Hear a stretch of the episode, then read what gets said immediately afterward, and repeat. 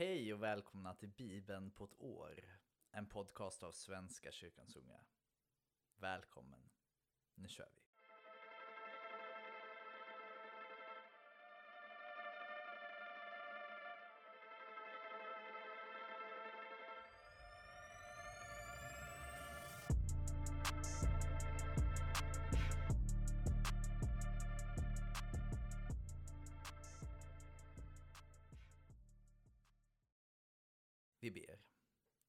Tack Gud för idag. Led oss på dina vägar Gud. Ta hand om oss. Var med alla de som har det svårt. Välsigna oss alla Gud. Välsigna våra vänner och våra ovänner.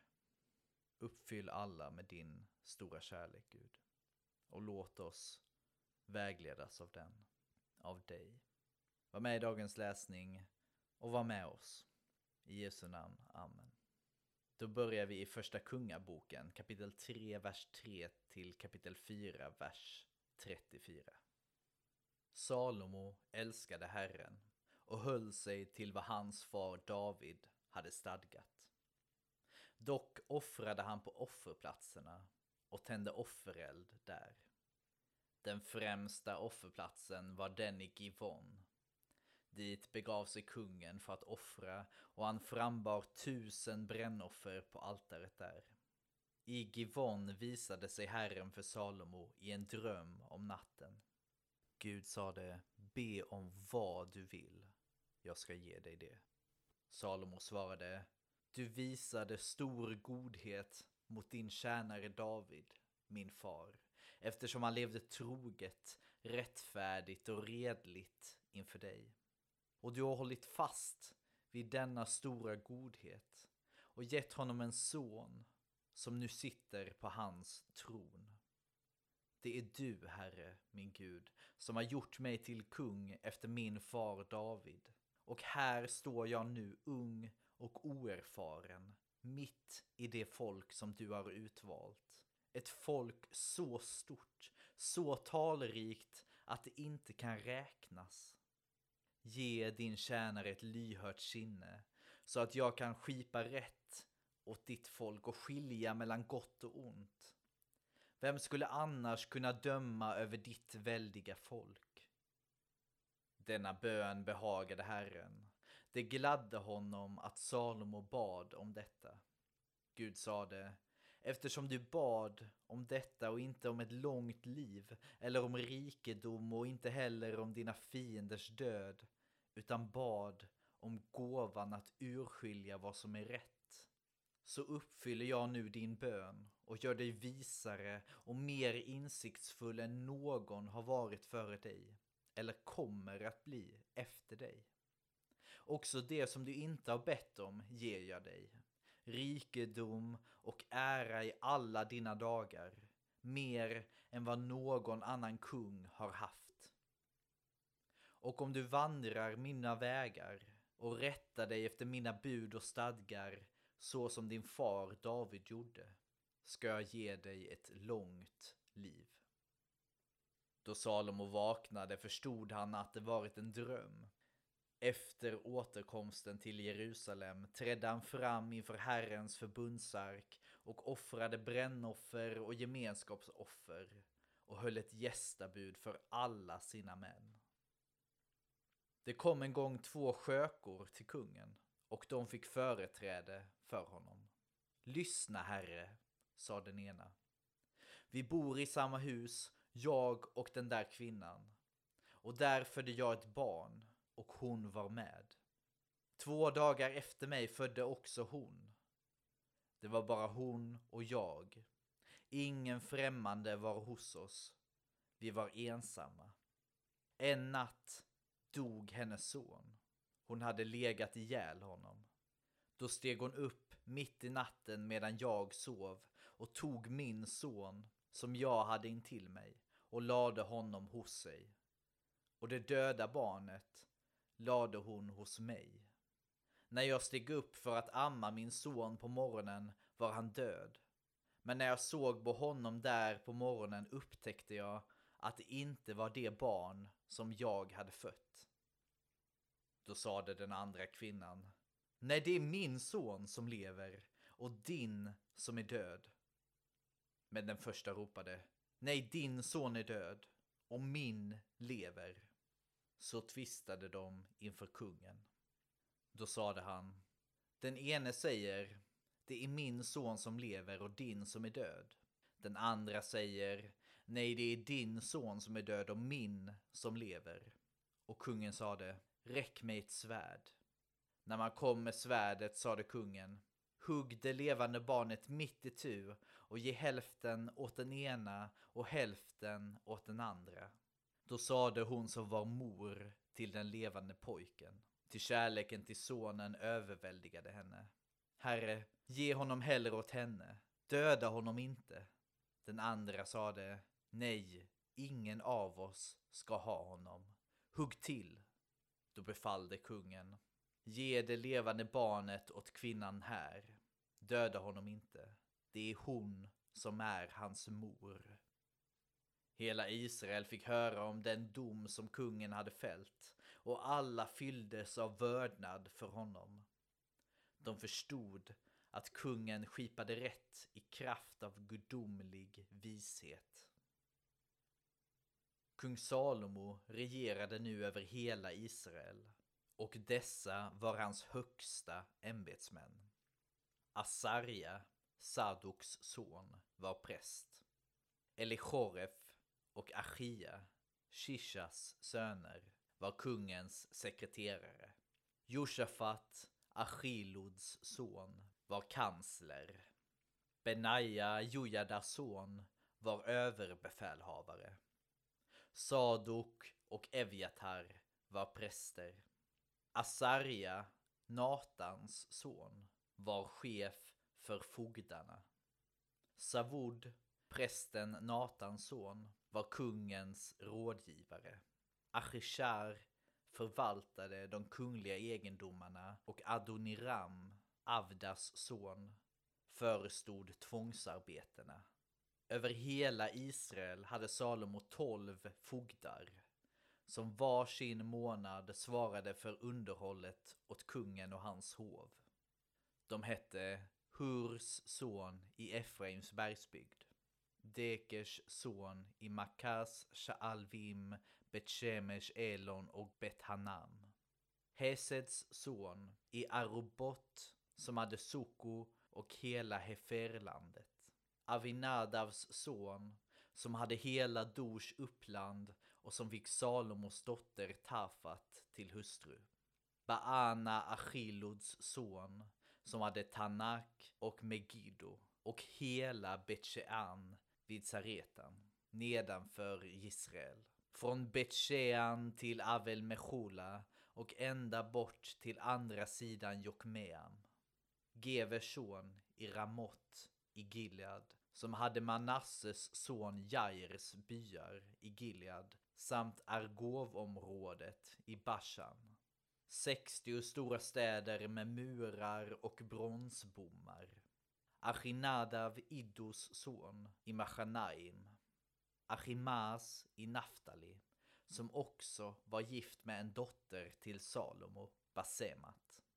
Baana, Hushais son, i Asher och Alot Josafat, Peruachs son, i Isaskar.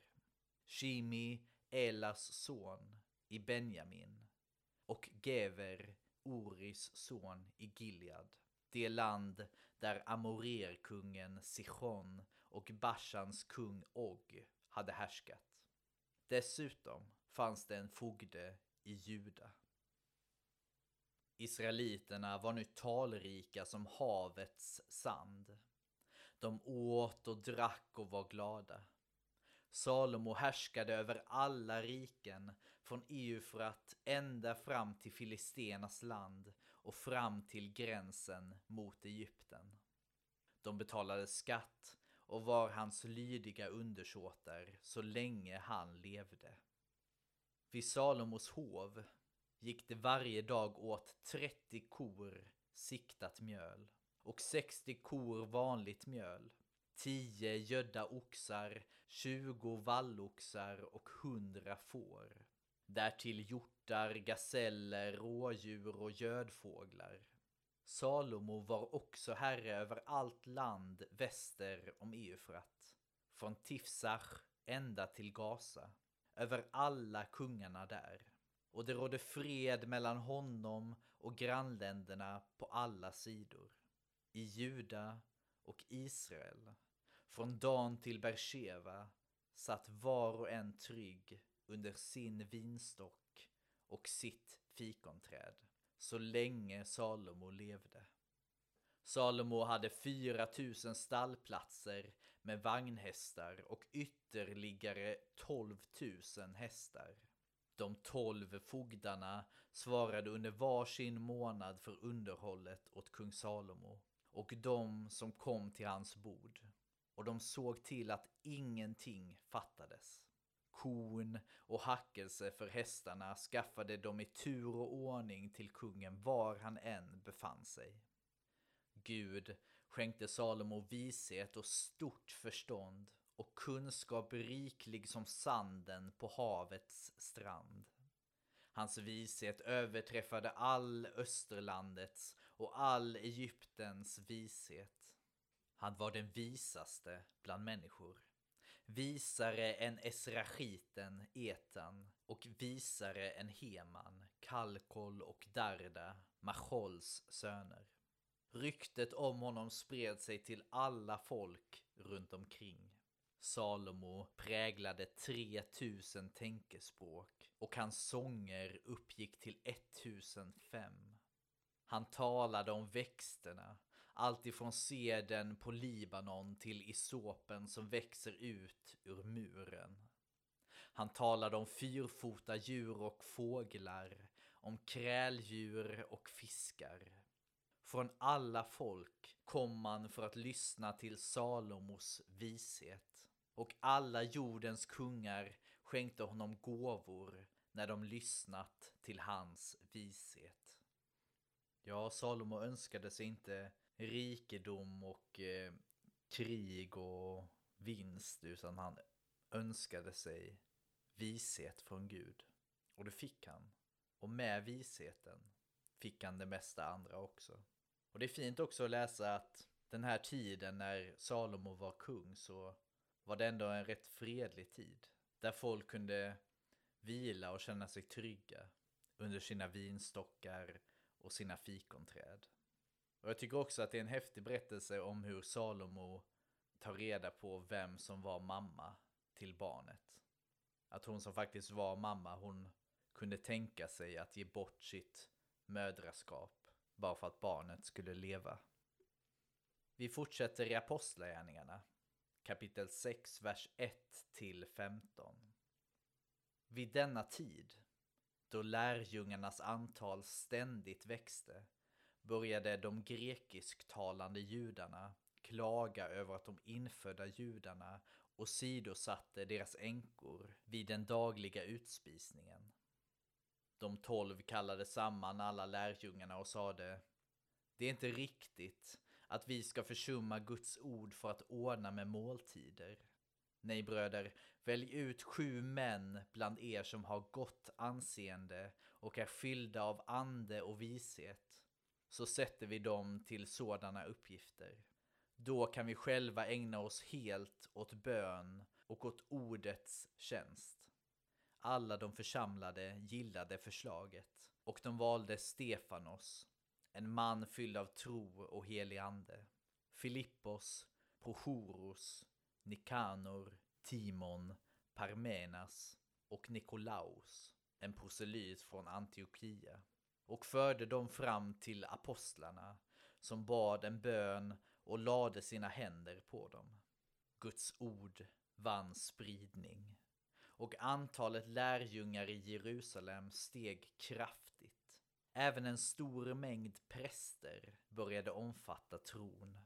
Stefanos var fylld av nåd och kraft och gjorde stora under och tecken bland folket. Då uppträdde några medlemmar i den synagoga som kallades de frigivnas. Dit hörde folk från Kyrene, Alexandria, Kilikien och Asien och började disputera med Stefanos.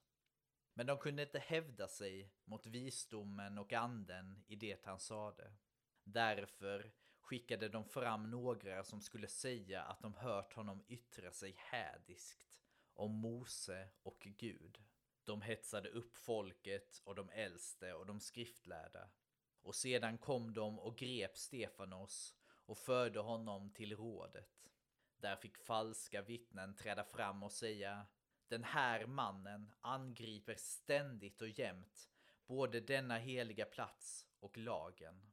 Vi har hört honom säga att Jesus, han från Nasaret, ska förstöra denna plats och ändra på de seder och bruk som vi har från Mose.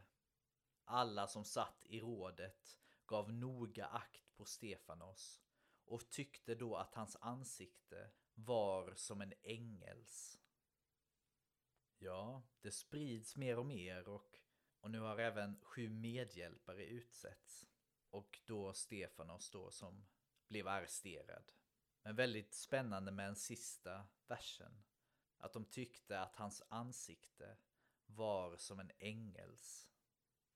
Vi får höra vidare om hans rättegång imorgon. Men nu läser vi psalm 126, en vallfartssång. När Herren vände Sions öde, då var allt som om vi drömde. Vi skrattade, vi sjöng av glädje och jublet steg från våra läppar. Då sade man bland folken, Herren har gjort stora ting med dem. Ja, Herren gjorde stora ting med oss och därför var vi glada. Herre, vänd vårt öde, liksom du ger liv åt bäckarna i Negev. De som sår under tårar ska skörda med jubel. Gråtande går de och sår sin säd. Jublande kommer de och bär sina kärvar. Ja, vi får minnas det att efter regn kommer solsken. Efter dåliga perioder så måste det även komma bättre perioder. Och vi får hålla ut, be, vaka och vila i Gud. Och vi avslutar i Ordspråksboken, kapitel 16, vers 26 till 27. Arbetarens hunger får honom att arbeta. Magen låter honom aldrig vila. En ondsint man ställer till skada. Hans ord är förtärande eld. Ja, har vi hunger så fortsätter vi att arbeta. Och med de orden så slutar vi dagens avsnitt. Tack för idag, ha det fint, ta hand om er. Hej då.